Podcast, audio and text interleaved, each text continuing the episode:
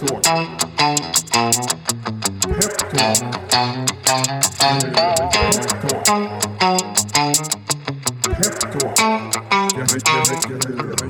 Hej och välkommen till ett nytt avsnitt av Peptalk som leds av mig, Jakob Karlgert. Och mig Niklas Danko. Och idag gästas vi av Inge Heydorn från GP Bullhound.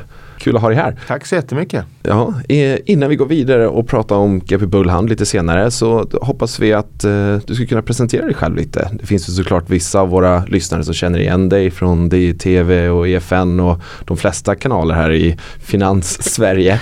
Men eh, vem är du och vad gör du till vardags? Ja, eh, jag är en tvåbarnspappa eh, som gillar att sporta kan man säga. Det är väl egentligen en snabb summering att jag gillar att spela tennis, jag gillar att spela paddel Uh, och sen är jag ju lite grann av en här statistiknörd. Det är kanske därför jag kom in på aktierna var 13-14 också. Så att första jag gör varje morgon är att gå in och kolla på NHL-scores och kolla vem som har gjort assist i natt och vem som har räddat och vem som har gjort mål och så vidare. Så det, är, det är min morgonrutin. Härligt. Eh, du arbetar till vardags på eh, GP Bullhound. Eh, skulle du vilja berätta lite mer om vad ni gör för någonting och vad din roll där är? Ja, GP Bullhound är ungefär 180 anställda, finns i hela världen. Vi sysslar bara med tech. Eh, och då ska man vara riktigt ärlig, den stora delen av, av, av GP-bullan är en ma låda Alltså vi köper och säljer bolag åt ja, Facebook, Amazon och så vidare. Det är vad den stora delen av bolaget gör. Sen har vi en mindre del av bolaget eh, som är då asset management och eh, den stora delen av den mindre delen är då private equity-fonderna. Som då ja, köper private equity ja, onoterade bolag helt enkelt. Eh, och är med på resan egentligen hela vägen till börsen faktiskt. Eh, och sen har vi då den lilla delen av det lilla benet. Det är min del då, som är den publika delen. Då. Så jag är ansvarig, en partner på GP Bullen, ansvarig för publika fonder. Eh, och det, skälet till det är att jag har ju bara varit så att säga, i den publika världen. Då. Eh, sen ja, egentligen började jag handla aktier då, ordentligt Eh, 1994 satt jag med en sån här IFX Reuter och började trada techaktier. Då. Men vad härligt. Och då eh, om du har ett fokus på tech även idag i de här fonderna eller generellt alla eh, publika fonder? Ja, bara tech. Det är det enda jag tror att jag kan. du tror att du kan, men vad härligt. Och börjar man 94 så har det ju hänt lite sedan dess. Eh, och vi ser fram emot att höra lite mer om hur man har ett långsiktigt tänk i en värld som ändras varje dag. Ehm, och därför förstår vi att i i er techportfölj, eh, det finns fokus mot eh, e-sport och eh, gaming och så vidare. Men vad, vad skulle du vilja säga knyter samman dem? Vad, hur ser tech ut idag? För det måste ju ha ändrats väldigt mycket sedan 1994. Vad var tech då? Ja. tech började egentligen för mig, det, och jag halkade in lite grann på ett bananskal på tech.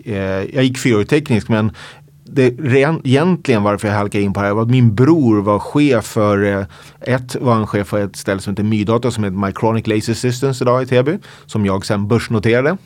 Eh, och eh, sen var han chef på ett ställe som heter Siemens Dematic. Så att min bror flög egentligen runt hela världen och byggde telekomfabriker. Och så, det var ju sin linda då. Så att jag häng, ja, tog egentligen bara rygg.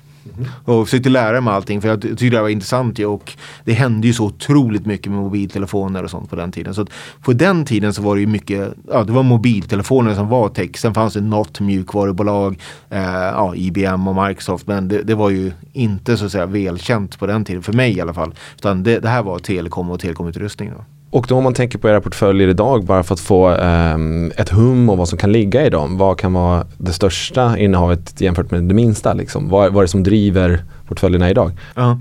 Vi tittar ju inte alls på index utan vi tittar på egentligen marknader där vi tror att vi ser en väldigt stark tillväxt de närmaste 5-10 åren. Eh, sen eh, så tittar vi mycket på marknader som är strukturerade där vi kan se och känna så att säga, avkastningen. Med det menar jag att man kan verkligen se att, att här skapas det värde, här kan det skapas värde över en lång tid framöver. Så att det är väldigt mycket vårt fokus. Så att om vi nämner vårt största innehav idag eh, heter ASML i Holland. Det är då eh, ensam spelare i att tillverka eh, en, en, en, sak som heter litografi, ett, ett, ett ljus som lyser ner på silikon. Eh, och för hårdrar hela vägen då, att inga nya datorer eller nya telefoner eller någonting skulle komma ut om det här bolaget inte fanns. Och de är ensam. Så det är ett monopol helt enkelt. Ja, väldigt spännande. Mm. Eh, sett dig flera gånger prata i olika medier om, eh, om en del gamingbolag och sådär. Jag tänkte att jag skulle kolla lite vad, vad, vad ser du för trender i, i den sektorn eh, här nu framgent? Ja, just nu är det en väldigt, väldigt stark trend och vi har tjatat om det väldigt länge att eh, de stora vinner just nu. Eh, och vad egentligen jag skulle förklara det här med att när vi kom ur covid så var det en jätteboomtid för spel. När man satt hemma så har vi kommit in ur covid först och sen har vi på det en svagare ekonomi. Och eh, om, man, om man hårdrar det lite grann då, jag har en son själv som är 15. Eh, det är att han får köpa färre spel men han köper ju fortfarande spel. Så att eh, till exempel nu så har han köpt det nya Hogwarts-spelet eh, som har sålt enormt bra här senaste månaden. Så att han köper ju fortfarande spel men vi, vi, köper färre spel och då får han tänka till lite grann. Vilka spel vill jag ha? Och då köper man ju oftast de här stora erkända spelen. Så att om vi tittar då på andra halvåren förra året och i början av det här året så har vi då en marknad som går ner 5-10 procent. Men där de stora spelen fortfarande gör väldigt, väldigt bra. Så Call of Duty, Gods of Ragnarök ja, och nu Harry Potter-spelet säljer ju väldigt, väldigt bra. Så det är liksom indie-titlarna som blir lite lidande och eh, de stora blockbustersen de, liksom, de klarar sig bättre. Ja, mm. exakt. Och visst är det sen vissa indie-titlar som går bra men det är färre. Så, att säga. Det, så det är mindre kaka för dem att dela på. Just det.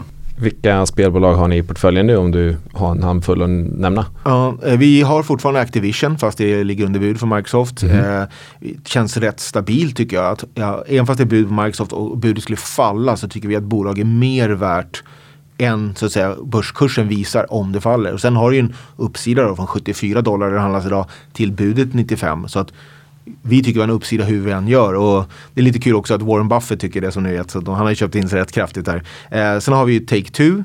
Eh, och sen har vi lite grann i EA också. Så att vi har de stora bolagen. Vi äger inga svenska bolag, Stillfront eller Embracer. Och sådär. Eh, och av, av, många skäl, jag vet att många argumenterar att bolagen ser intressant ut och billiga ut. Vi tycker ju inte det.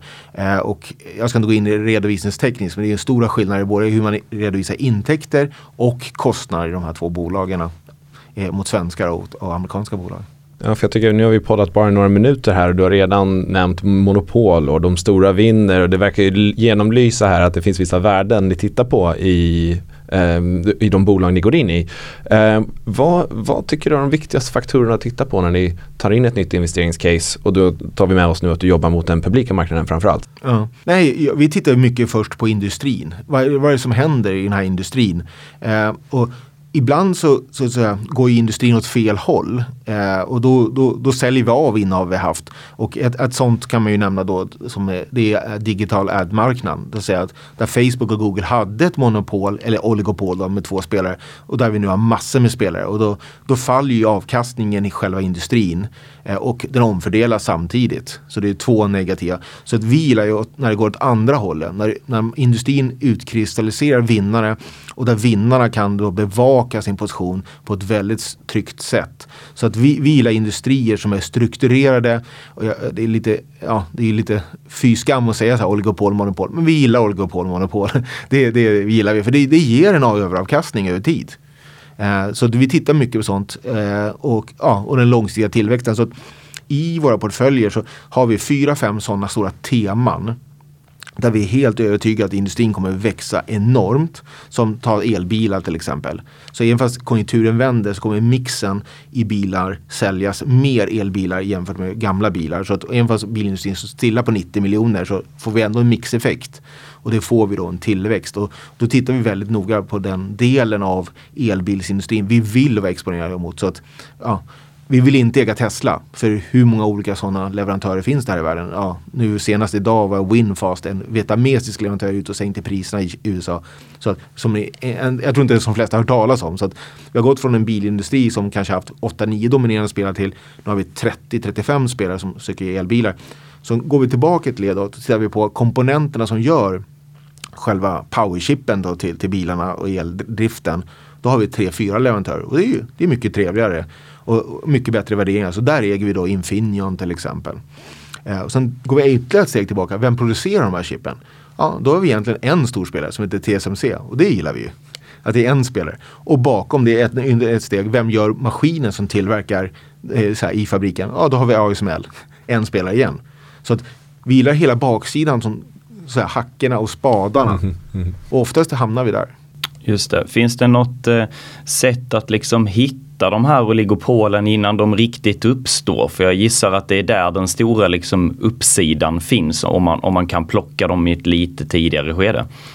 Ja, och det är det här vi försöker så här, vår, av vår erfarenhet titta på hur kommer den här marknaden utkristalliseras. Både positivt och negativt. Och nu skulle jag nästan dra åt andra hållet. Eh, en, en, för det senaste vi hittat är ju åt andra hållet så att säga. Och, och det är ju streamingtjänster. Eh, där alla nu går basurk på att spendera pengar på att bygga nya så att säga, streamingtjänster och nya. Och, ta till exempel Disney till exempel, spenderar 30 miljarder dollar i år på nya serier och sånt för sin Disney+. Plus. Och vet, ni vet ju Netflix hur mycket de spenderar och sen Paramount, ah, hur Amazon, Apple. Det blir för många spelare som ska dela på en kaka. Alltså det, det blir inte lönsamt. Så det här är en industri som har förändrats till det negativa. Eh, och, och när man börjar se de signalerna att folk börjar satsa i det här, ja, då, då får man dra åt sig öronen och säga okej vad kommer hända med den här industrin? Ja, och du har olika länder och där har till exempel i USA är man villig att betala en peng på grund av lönen och sånt medan man i Indien inte vill att betala så mycket. Så att, ja, hur, hur ser penetrationen och sånt ut? Så det här är negativt då. Och, och om man tar det andra hållet så pratar vi om elbilarna. Vi ser att elbilarna börjar släppa då för två, tre år sedan här. Då börjar vi titta väldigt, väldigt noga. Hur, hur bygger man en elbil? Hur ser det ut? Vem kommer leverera? Hur kommer det här slå mot de gamla monopolen? Toyota, Mercedes och sådär och också. Så, så börjar man grotta och titta på hur, hur byggs det här upp? Hur ser kedjan ut? Mycket att titta på. Hur ser kedjan ut? Mm. Och då kan jag tänka mig att nu har du nämnt streamingtjänster och det har nämnt elbilar, saker som har varit väldigt techiga och trendiga, inte minst de senaste åren under pandemin. Vad har vi för trender framför oss? Eh, innan här vi började podda så pratade vi lite om AI som vi förstår du kommer prata väldigt mycket om i år. Men eh, ja, det, hur ser du på AI och vad är det för fler eh, kategorier som ligger framför oss helt enkelt? Nej, men jag, jag tror att allt hänger ihop lite grann här men AI tror jag är otroligt, otroligt viktigt. Eh, och i den här miljön så kan man ju alltid argumentera att inflationen kommer göra det tufft för techbolag, framförallt på börsen men även onoterat. Men du kommer ha vissa delar av tech som kommer se väldigt, väldigt bra ut. Och skälet till det är ju att om du tittar på den här krisen så är det inte en kris som är på grund av likviditetsbrist. Och på det här och ska jag skjuta in också att du har haft de bolag som har sparat sönder sig själv. IBM, Intel nu.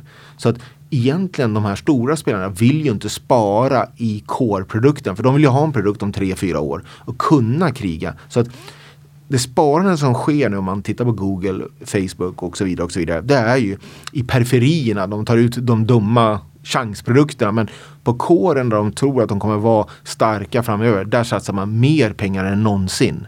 Så även fast det här är the year of efficiency in tech, så att säga, som, som herr Zuckerberg säger. Så tittar du på absolut så är det fortfarande upp vad han ska spendera. Det är inte ner.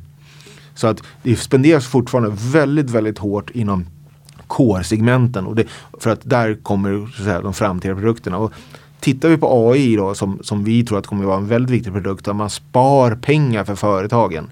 Så att säga, man slipper lite inflation, vilket är otroligt viktigt. Plus att bolaget blir mer effektivt. Så tror vi att det, det, det är verkligen ett område som kommer vara väldigt hett. Inte bara på grund av att det är AI och att det är nytt. Men också på grund av att givet hur ekonomin ser ut så passar det otroligt bra just nu.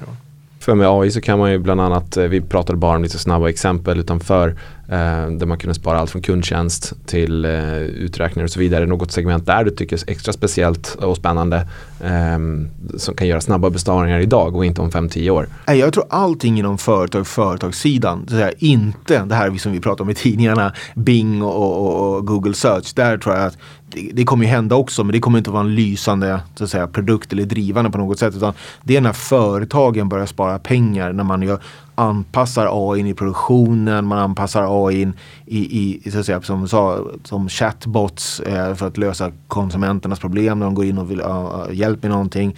Duolingo, de gör det i sin språkapp och, och sådana saker. Där kommer du verkligen dra nytta av det. Och det intressanta här är ju att du får ju då en bättre produkt, du får en lägre kostnadsbas så du flyttar ju upp ditt företag i värdenivån. Så alla behöver ju följa med också. Och det är det som också blir intressant att alla måste göra nästan den här investeringen för annars hamnar du efter. Både på kostnadssidan och produktsidan. Du har ju säkert tittat på en hel del spännande case under, eh, under din karriär. Eh, är det någonting du skulle vilja liksom lyfta som sticker ut lite extra? Nå någonting som du liksom var med och tittade på tidigt som sen, eh, som sen utvecklades till något, eh, något väldigt spännande? Liksom? Jag, jag tycker den stora som, som, alltså som, som alla känner till det, det är ju Apple versus Nokia och Ericsson jag var ju uppe på Ericsson redan 2000 och sa att de skulle göra nyemission, vilket de var sen tvungna att göra och var väldigt tidiga där. Jag var ju ute på framsidan på Hälsinge Sanomat väldigt tidigt och sa att Nokia gick konkurs och fick, jag tror jag 2000 hatmejl eller något sånt här. eh, och ja, överviktade Apple eh, mot dem då. Eh, och det är, väl den, det är väl den största så att säga som, som, som, som jag kommer ihåg så att säga, som, där vi verkligen har pushat stenhårt. Eh, kommer ihåg jag satt på alla tv-kanaler i USA och prata om att alla analytiker har fel, estimaten är alldeles för låga, de måste upp. Det här Apple, det här, ja, det säljer stenhårt för att det gynnar operatörerna. Operatörerna kommer subventionera den här produkten. Eh, och Ja, så att Apple var väl den stora. Jag vet inte om ni kommer ihåg men Apple var ju jättestor kris innan det här. Så att eh, det här var ju verkligen en vändning för Apple och ja, tvärtom för Nokia och Ericsson.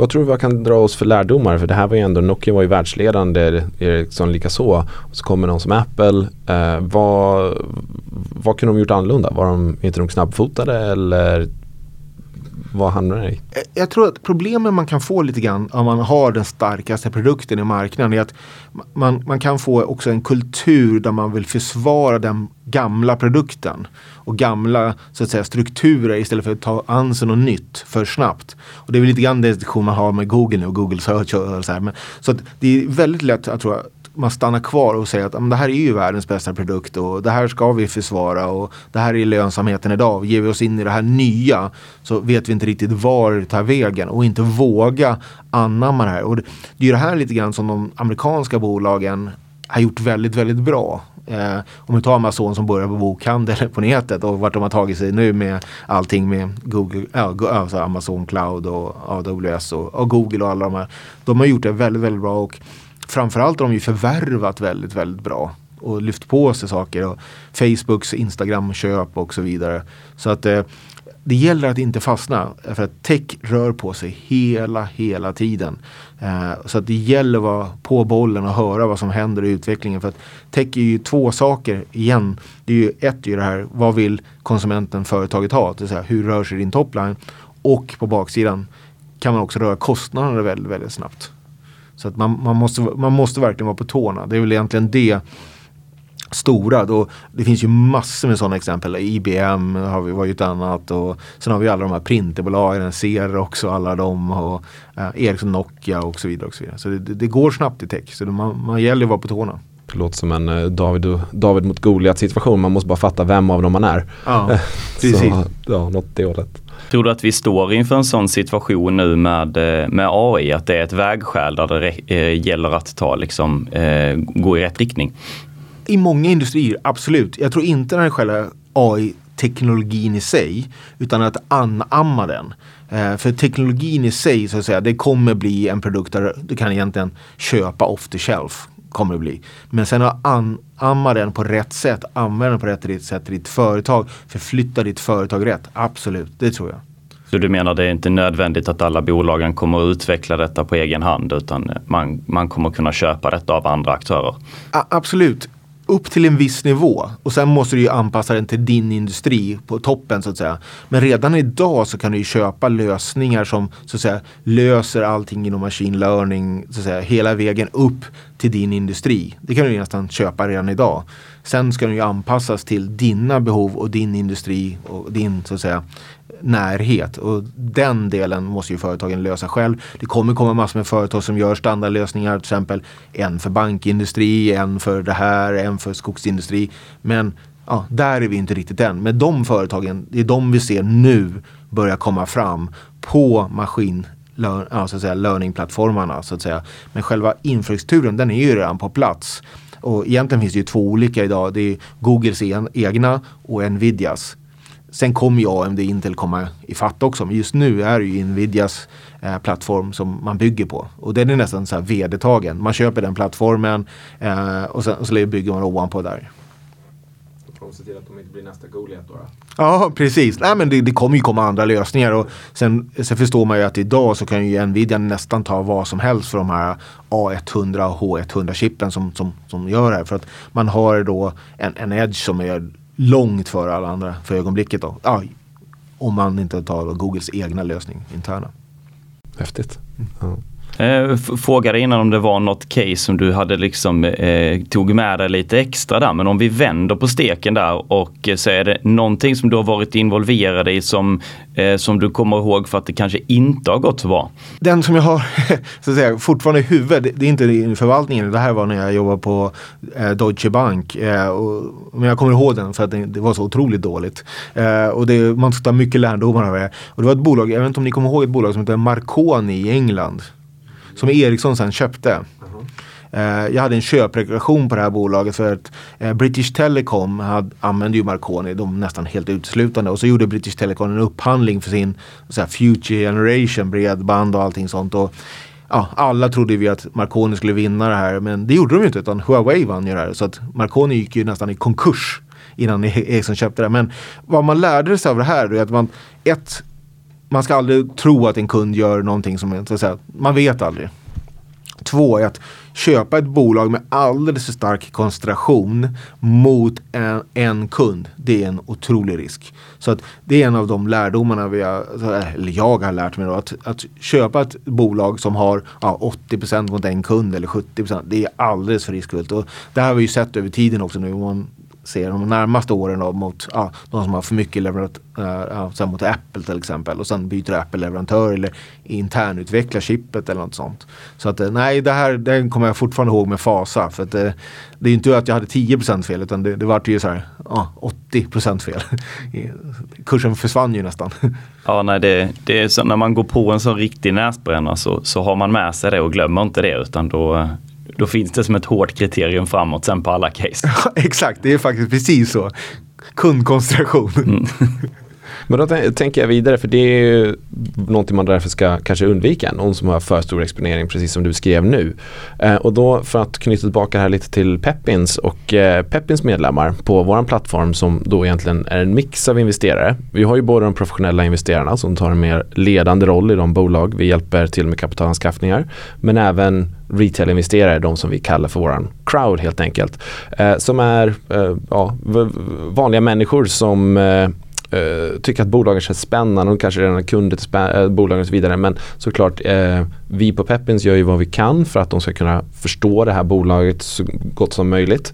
Men när man ändå är en vanlig retail-investerare så att säga så det är omöjligt att ha en så bra insikt eh, som man kanske kan ha på publika bolag. Därför tänker jag, har du lite generella tips eh, till våra lyssnare vad man som investerare kan ta med sig? Vad är viktigt att titta på? Till exempel precis det du nämnde om att har de en kund så kanske det är för mycket risk. Har du några andra tips? Ja, jag, jag tycker det, precis som kundkoncentration. Eh, den andra saken som jag tycker, eh, framförallt inom teknologi, det är så här att vad är det för, vad är det för lösning? Så vad, vad, är det för problem det här bolaget ska lösa med sin produkt? Eh, och vad finns det för alternativa lösningar? Eh, det är alltid trevligt om man slipper kriga med Microsoft eller någon en stor drake. Det är alltid ett positivt så att säga. Så att det, det, är de tre puckarna som jag skulle titta på först och främst. Sen är det också viktigt vilka ledningen är. Har de här erfarenhet att driva liknande saker ja, och projekt tidigare? För att när det gäller att starta företag, vad, vad, vad jag har sett och är att erfarenhet är väldigt, väldigt viktigt. För det tar alltid mycket längre tid än man tror. Det är alltid mycket fler problem än man tror än att bara sälja produkten. Eh, så att, att, ha erfarenhet i ledarskap i styrelsen är otroligt viktigt. Att man får ihop en bra styrelse och ledning. Att det tycker jag är en bra check. Sådär, att va, vilka sitter i det här bolaget? Och är det folk man inte känner igen då ska man alltid sådär, försöka kontrollera upp dem. Vil, vilka är de här människorna egentligen?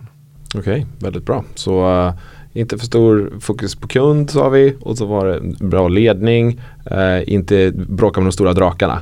Det var ungefär det. Ja, och vilka problem löser man? Just det. Just det. det, det är också så här, är det här, vi brukar kalla industrin så här, total addressable market. Det är är en stor marknad det här man ska lösa? Eller ett litet problem eller ett stort problem? Och hur vitalt är det här problemet? Är det så här någonting som förändrar hela industrin eller är det här bara en tilläggstjänst till en annan tjänst? Eller ja, hur, hur är den här lösningen tänkt att fungera i marknaden?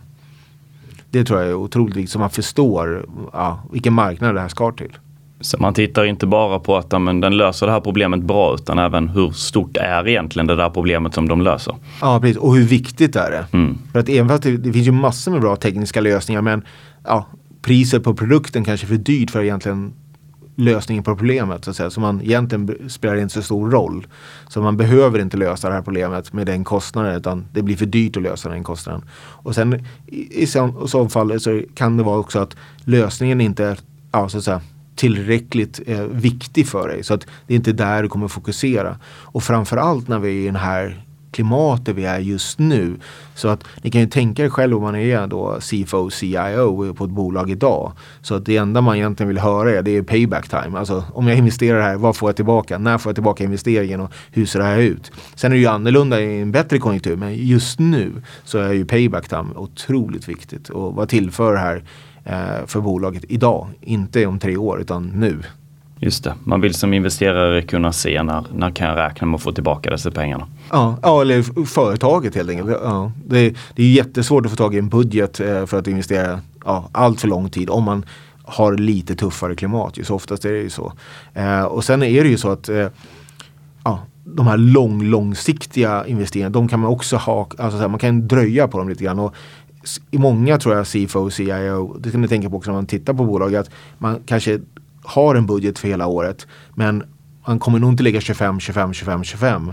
Utan man börjar nog lite svagare och spar på lite krut under första halvåret. Och det, det drabbar ju också börsbolagen men även de onoterade bolagen kommer drabbas av att man kommer nog skjuta på så mycket som möjligt så man får lite mer visibilitet vad inflationen tar vägen, vart tar räntorna vägen, hur kommer vår efterfrågan se ut. Så att man tar nog så lite risk som möjligt idag om man är företagsledare.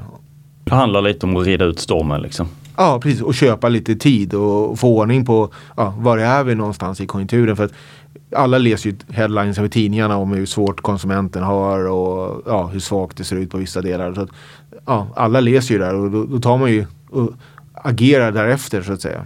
Eh, du pratade ju inledningsvis om att du har ett stort eh, sportintresse. Mm. Eh, och vi vet ju också att du var involverad som storägare i ett paddelbolag som, som du sålde då under 2021. Eh, och det visade ju sig vara en, vara en ypperlig timing för det, det, kan vi ju läsa mycket om i, i tidningar nu att det är många paddelbolag som har det svårt att liksom Eh, den sektorn har, eh, har gått ner, intresset för paddel har, har dalat lite. Eh, vad, vilka tankar var det liksom som låg bakom det beslutet att eh, liksom kliva av precis just där och då? det var egentligen en, en, en tvådelad affär. Så att I Sverige så startade vi 2016 och eh, för mig var padden så att säga eh, och, och grupp då, var rätt, det är ju rätt lätt att räkna på. Det är nästan som en hårfrisör, man säljer timmar. Eh, och när folk då börjar räkna allt för aggressivt, vilket jag tycker många gjorde. Så att vi vann ju inte en upphandling eh, från 2018 och framåt. Eh, vi, fick fick inte en ny hall. För att allt var ju alldeles för dyrt. Hyrorna var alldeles för höga. Så att, eh, så att vi, vi började förlora alla upphandlingar och sånt. Och, och kände då att, att det blev alldeles för mycket hallar och, och sådär. Det här med covid, att man kunde ha ledigt på dagarna och sånt. Det kunde man inte räkna med. Så vi räknar ju kvällstiderna gånger antal, priset och sen en liten sådär, omsättning i shoppen och sådär. Och fick inte ihop matematiken. Så, att, så vi var intresserade av att sälja Sverige egentligen. Medan vi, vi byggde ju i Finland. Vi byggde även i Polen. Eh, och där var vi ett antal år efter Sverige. Och, så där så, så var vi inte lika, hade vi inte lika så, så sugen på att göra någonting. Men det blev en helhetsaffär som, som gjorde det. Då. Eh, men Sverige kändes ju som att ja, alla blev alldeles för aggressiva i, i, Sverige och bygga, alla skulle byggas överallt. Och då vet man ju att det blir ju tuffare för det, det, är inte, det är inte så svår matematik. Eh, och som jag sa, vi Tittar vi på exempel vår hall i Gävle vi hade då, så hade vi 660 kronor kvadratmetern plus eh, inklusive värme ja, och konkurrenter som öppnade bredvid hade 12-1300 exklusive värme. Så att eh, det var väldigt, väldigt stora skillnader. Så att ja, då förstår man att de kommer få det tufft. Vi vet hur vår matematik såg ut i hallen. Ja, då kan man ju räkna med hur, hur det kommer se ut på de andra. Så det var liksom lite av en känsla av att ja, men de runt omkring er börjar bli lite fartblinda. De, eh, de springer på oavsett vad. Mm. Ja, och plus att i Sverige så kändes lite grann som att ingen, ingen alla ville ha en hall. Det, var ganska, det kändes som att matematiken spelade ingen roll. Utan man skulle bara, det var, det var kul att bygga en paddelhall och driva en paddelhall. Det fanns ingen matematik bakom det hela. Och det är ju alltid farligt ju. För det är lite grann som vi pratade om tidigare. När en industri förändras. Vi går från vår monopol. Vi hade ju monopol i Gävle till exempel. Om vi tar Gävle. Så helt plötsligt är det fyra hallar. Eh, så att det, det, blir ju, det blir ju tuffare. Så att det, det var mycket det som drev det hela. Då. Och då när du kommer från inifrån branschen så att säga, bara utöver tech, vad, hur tror du paddel kommer se ut om några år i Sverige? Ja, men jag tror paddel ungefär kommer se ut som det gör idag. Att folk spelar på kvällar.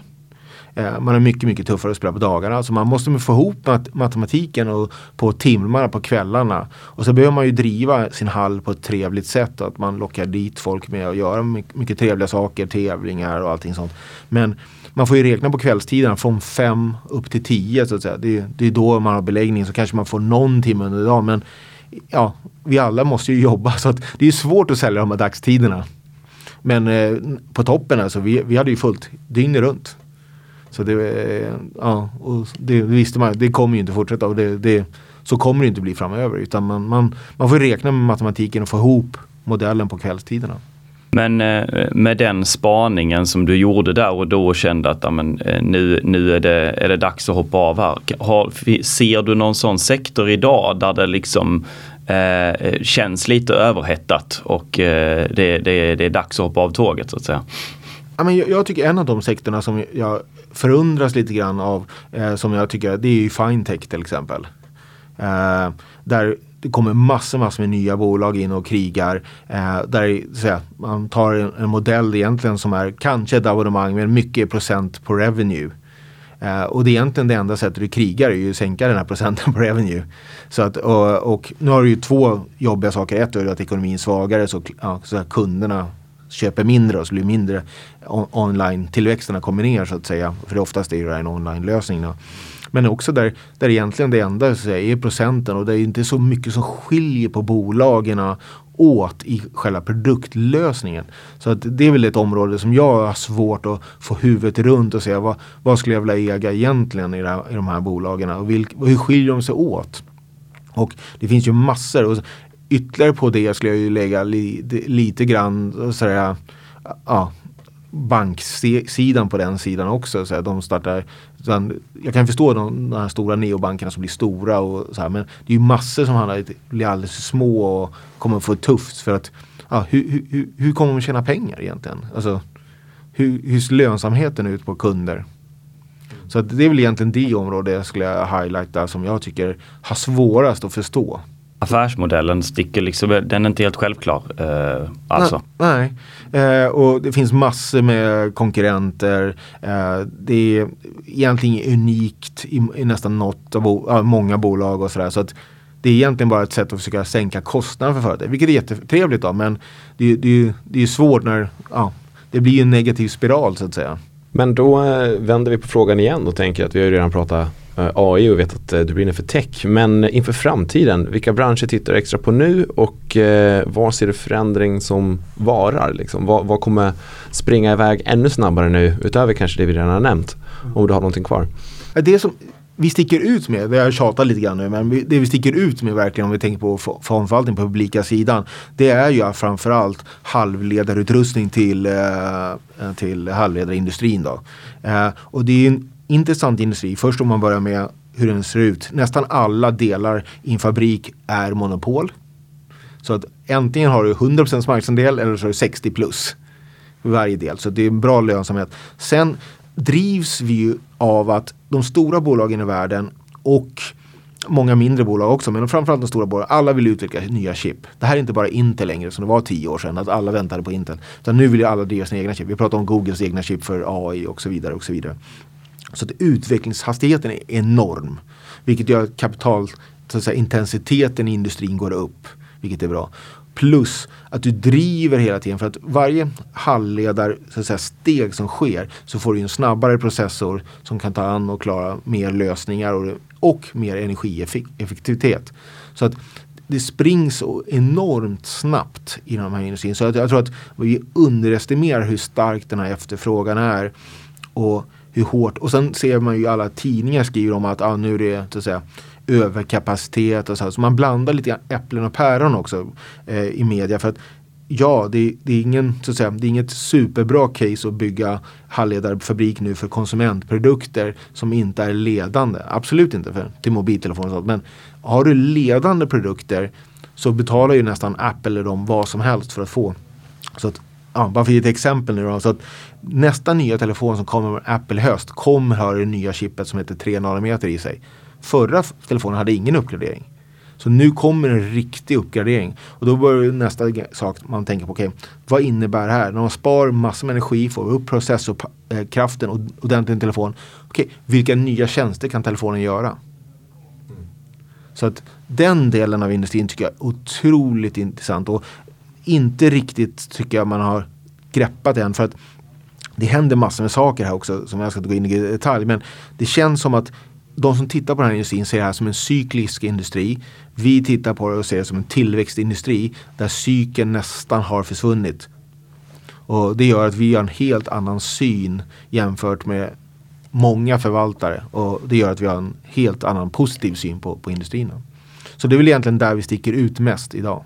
Eh, får vi nöjet att följa upp på det om tre år och se om du hade rätt? Absolut. Absolut. Det är det som är bra med sådana här podcast och sånt. Det här sparas i något AI-minne någonstans. Ja, absolut. äh, spännande. Men Inge, då får vi tacka så jättemycket för att du tog dig tid att vara med i Peptalk idag. Och eh, om man vill höra lite mer om dig och GP Bullhound och era olika fonder, vad ska man vända sig då? Vår hemsida på gpbullhound.com finns eh, rätt mycket information. Eh, och eh, egentligen skulle man kunna googla, googla det faktiskt till och med. Nej, så att vi finns ju på Avanza och Nordnet-plattformar och sånt också. Härligt. Mm. Toppen. Tack, Tack så hemskt mycket. Tack så jättemycket. Tack. Och då får jag nöjet att göra vår disclaimer. Kom ihåg att en investering i noterade och onoterade bolag alltid innefattar risker. Eh, en aktieinvestering kan sjunka i värde och det är inte säkert att en investerare får tillbaka satsat kapital eller något kapital alls. Ingenting som sägs i denna podcast ska anses vara rådgivning och tidigare resultat är inte en garanti för framtiden.